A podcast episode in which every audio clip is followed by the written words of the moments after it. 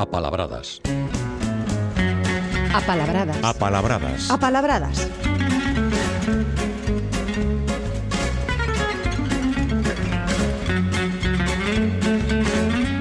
Xa saben que dun tempo a esta parte iniciamos esta segunda hora do programa coas apalabradas con Paulino Novo. Moi bons días. Que tal vos días?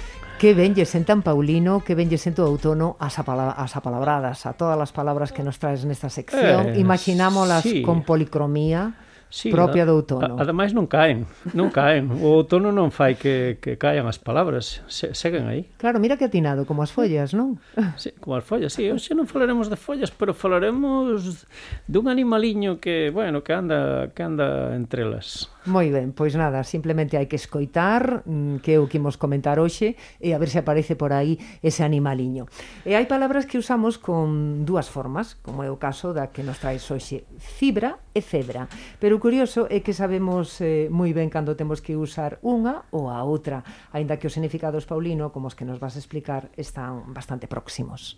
Eh, sí, son a mesma palabra, e non fai falta ir aos dicionarios porque sabemos cando temos que usar unha e outra, sendo a mesma palabra pero con dúas formas distintas, pero sabémoslas distinguir moi ben, aínda que hai acepcións en que nos poden coincidir un pouquiño. Entón, propóñoche facer un repaso desde o latín para ver o que significaba a fibra e despois o que significa hoxe a fibra ou a febra. Desde o latín ata os nosos tempos. Ti mirarás o tempo que temos. Exacta, exactamente, sí, no, no, é, é, é simplificado. en latín a fibra xera un filamento das plantas. Era tamén un músculo ou a carne dos animais a carne que ten filamentos. Eh? Como vemos no significado está o fío, o filamento dun vegetal ou dunha carne, dun músculo. Tamén podía ser os lóbulos do fígado, porque teñen tamén eses filamentos. E por extensión, podían ser as, as entrañas. E figuradamente, igual que dicimos de entraña, entrañable, cando é algo con moito afecto, se tiña o significado de entrañas, tamén tiña o significado figurado de sensibilidade en latín hoxe, hoxe en latín, hoxe fibra, é a forma que collemos culta do latín, e usámola co significado que todos coñecemos, de filamento dun músculo ou dun vegetal, e tamén o filamento sintético ou fabricado artificialmente, non? de tecido, para tecidos. E temos a palabra a forma da palabra que leva máis tempo na lingua, que sufriu aí unha pequena variación, que é febra digo febra, aínda que na, ma na, na mayoritariamente dice freba. Eh? En asturiano, por exemplo, xa únicamente freba.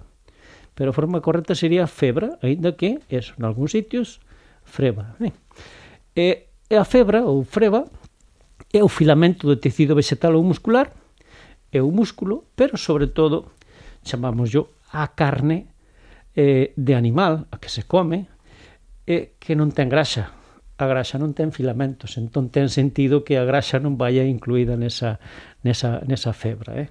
En castelán teñen hebra. Eh? E hebra tamén no usan no sentido de fío, ou filamento textil. Tanto usan nese, nese, nesa acepción de fío que teñen eles enebran as agullas. Mm. Teñen o verbo enebrar, que nos temos enfiar, pero eles teñen enebrar, porque a hebra para eles é, é aplicado sobre todo a sobre todo un fío. Como nos gusta enfiar, enfiar, enfiar unha agulla. Sí, sí, sí, sí. Nos enfiamos, en castelán enhébrase, nos enfiamos. Eh, remato con uns significados eh, que teñen que ver con coa, coa relación de, desta palabra coa, co, co músculo. Tanto é así que se relaciona co músculo que en portugués, por exemplo, din home de febra, está recollido así en Moraes, sería febra, é a persoa valente, porque ten músculo. Eh? Igual din tamén en castelán ser de buena hebra, que unha persoa que é forte, e que é robusta, que ten músculo, que ten un músculo onde hai febra. Eh?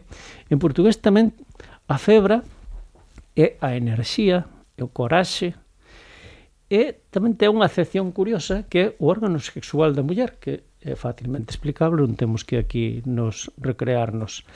E tamén din en portugués ser de, fo de boa febra e ser persoa guapa. Eh? Mira ti, Eh, a confianza, permíteme decirlle a Paulino Novo que ele é un home fibroso, porque porque non ten nada de graxa. Eh, algo, algo, algo ben sabes que sempre algo ben sabes que sempre aparece, pero sempre sempre hai guerra, a guerra ela. Continuamos. Eh, o anterior sábado eh, falamos da donicela e moitas veces gustache tamén falar de animais, pero hoxe vas falar dos nomes das casas dun animal, da abella, que de algún xeito me avanzabas antes. Como temos moita abella, tamén temos varios nomes para as construcións que as acollen, así que se che parece tamén lles damos un repaso. Sí, era eso que dicía da, cando falabas da, da folla, mm. imos falar dun animaliño que anda, e concretamente non do animaliño, da ovella, da abella, sino da casa, a Casa da Abella, que ten varios nomes, que todos, eu creo que coñecemos casi todos, pero o que imos facer é, é repasar, ben sabes que aquí o que nos gustan son desculpas para falar de palabras, non? Eh, temos colmea, para empezar, eh? Colmea é a casa das palabras. E logo tamén, por metonimia, pode ser tamén a familia das abellas, a que, o que vive dentro da colmea, no? A familia das abellas que viven xuntas na mesma colmea, como se fora un enxame ou, ou un enxamio, eh? Outra palabra que está, está presente por, por moitos sitios, unha cortiza ou un cortizo. Isto vale non xa para a seguinte palabra que imos traer tamén, sabemos que tradicionalmente, ainda que hoxe estas casas das abellas, hai casas xa modernas e, e, e feitas e, de distintas maneiras, pero antigamente o que se usaba sobre todo era un anaco de tronco cortado e feito oco por dentro para que ali estivesen as abellas. Ou directamente o que se facía é aproveitar a cortiza a parte exterior de, de, do árbore para que esa cortiza fora a propia casa das abellas, sobre todo da árbore sobreira, non? Que é a que ten a cortiza un pouquiño máis gordiña. Non é difícil imaginalas porque hai moitos restos eh, Exactamente, casas. vémolos por aí claro. e senón os que teñen algo de anos pois recordan aínda máis, pero si, siga vendo.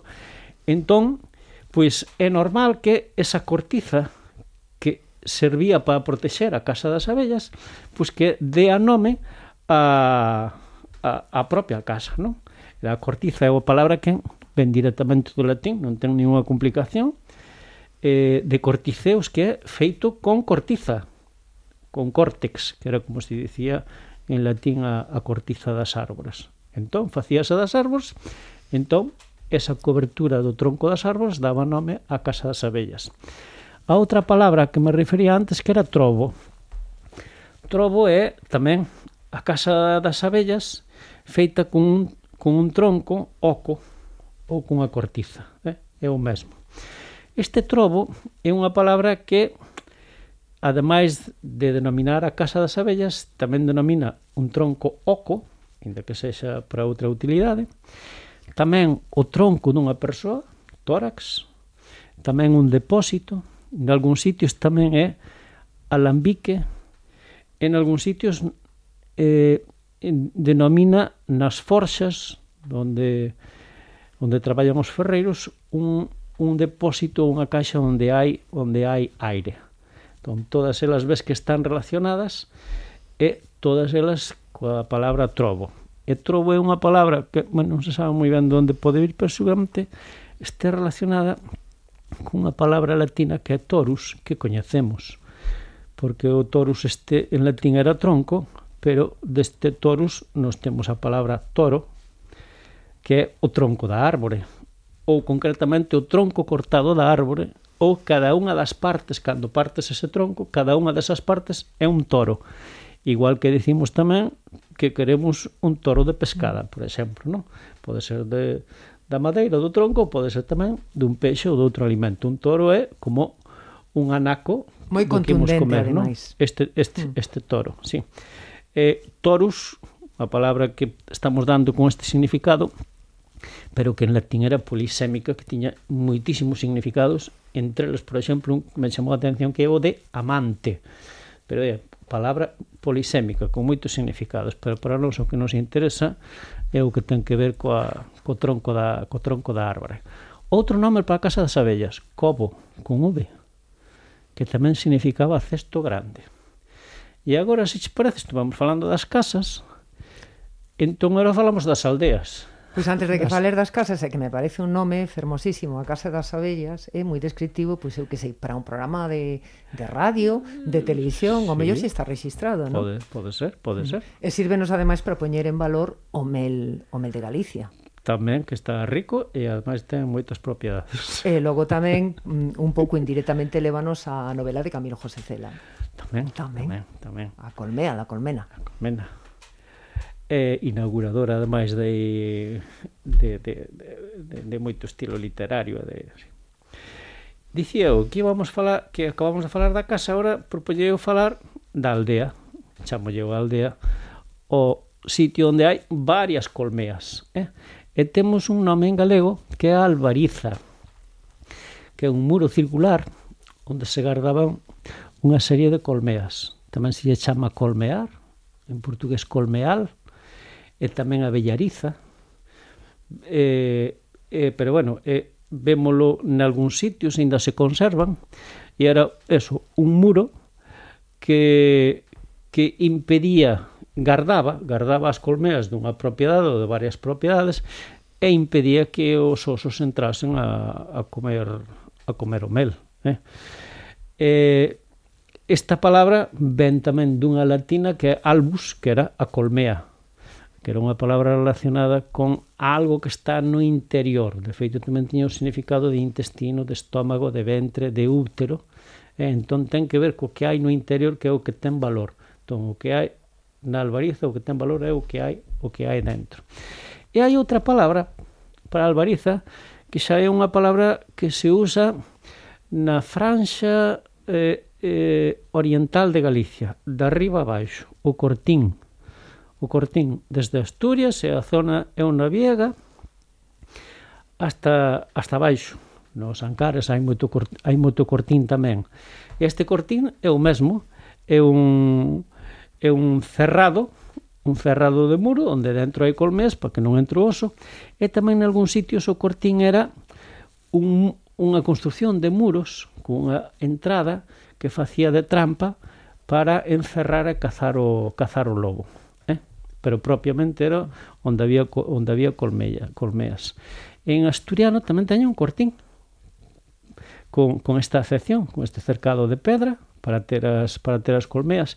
Tamén lle chaman a un terreo de monte que está acoutado onde gardan as ovellas e tamén a unha corte pequena, porque este cortín o que é propiamente é unha corte pequena, unha corte onde se ten o gando, pero unha corte que é un pouquiño máis un pouquiño máis pequena. E falando do asturiano, eles teñen ademais outra palabra tamén para esta construción, que é a caxella, que pode ser a colmea ou este muro onde hai onde hai colmeas. E tamén caxella neste caso tamén é dá nome a un recipiente para a roupa, un recipiente de forma cilíndrica eh, feito da cortiza dunha árbore, e sería unha palabra que seguramente veña de caixa, que é a forma que teñen en asturiano para caixa, eh? caxella. Que ben explicado, Paulino, e ademais, eh, lembrando un pouco que nos contaches a semana pasada, sen eivas. Sí, e vense moitas... sen que... eivas. Sí, sen eivas, mira como te, mira como te acordas. Estes cortíns ou estas albarizas vensen moitos, vensen moitos montes e que vaya, por exemplo, polo lado de San Carlos non lle fai falta sairse da autovía para ver para ver así de longe algúns, algúns restos destas construcións pararse nelas porque hai tanto que ver nos Ancares. E para rematar, como sempre, palabras pouco usadas. Así que hoxe traes palabras compostas, moi populares, de creación espontánea, pero caracterizadas porque se entenden moi moi ben. Non precisamos ir ao dicionario para saber que é o que significa. Ai, é que, é, cando, está, cando está ben creada unha palabra, eh, efectivamente, acerta, non é que andar dando moitas explicacións. E traioche, hoxe, fixen así un paquetiño con varias que son compostas vou dicir o significado, pero non faría falta, porque enténdense, a máis de seren expres, expresivas, enténdense moi ben o que queren dicir. Vimos con elas. Carricanta, un insecto de son estridente. Para min é unha palabra de creación poética. Unha palabra como esta só pode crear un, un poeta. Recorda o cantar do carro, non? Digo cantar, o ruido, pero bueno, é o cantar o ruido, producir ese ruido o carro é cantar. E además xa o deixou claro tamén Manuel, Manuel, Ma María. Manuel María. Entón, de carro de cantar, carri canta. Tamén se chama cantareira, cantaruxa, carriola, chicharra, cigarra. En castelán e portugués, nos dous idiomas, cigarra tamén temos cigarra en galego, pero temos este, esta outra variedade de nomes para chamarlle este insecto. Outra palabra composta, tentemozo. Tentemozo é o, pau, do carro que está en posición vertical e que sostén a cabezalla horizontalmente. E pode ser calquera outro pau ou columna que sirve de apoio ou de soporte para que algo non caia, para que algo non caia. Debemos quedar con ese significado, algo non caia, tente mozo, non caias, eh? No mar tamén é un pau no que apoian os pesos remeiros, eh? que vai de babor estribor. E contentar, outra palabra, tente no aire é unha ave rapaz, un gavián, pero pode ser tamén a persoa que anda con medo a pisar cousas non vai a ser que rompa, eh? Tamén se pode tamén eh, ten, tente no aire, como en galego dicimos pisa flores, eh? Uh -huh. E falando de pisar, rapidamente, unhas composicións con pisar deste tipo. En galego, por exemplo, pisa flores, para un presumido. Ou pisa mai niño, o que é cuidadoso no traballo en castelán pisa cardos, o infeliz, non é o mesmo pisar cardos que flores, eh? pisa pavas, persoa aburrida, pisa verde, presumido, pisa uvas, parvo, pisa huevos, o que ten moita pachorra. En portugués, pisa flores, a persoa afeminada ou, muller, ou un mullereiro, pisa foles, o que descansa o menor esforzo, pisa mansiño, a persoa que é mañosa, pisaverdes, o presumido, que camiña a pasiños e con delicadeza, e pisar ovos é andar tamén devagar. Eh?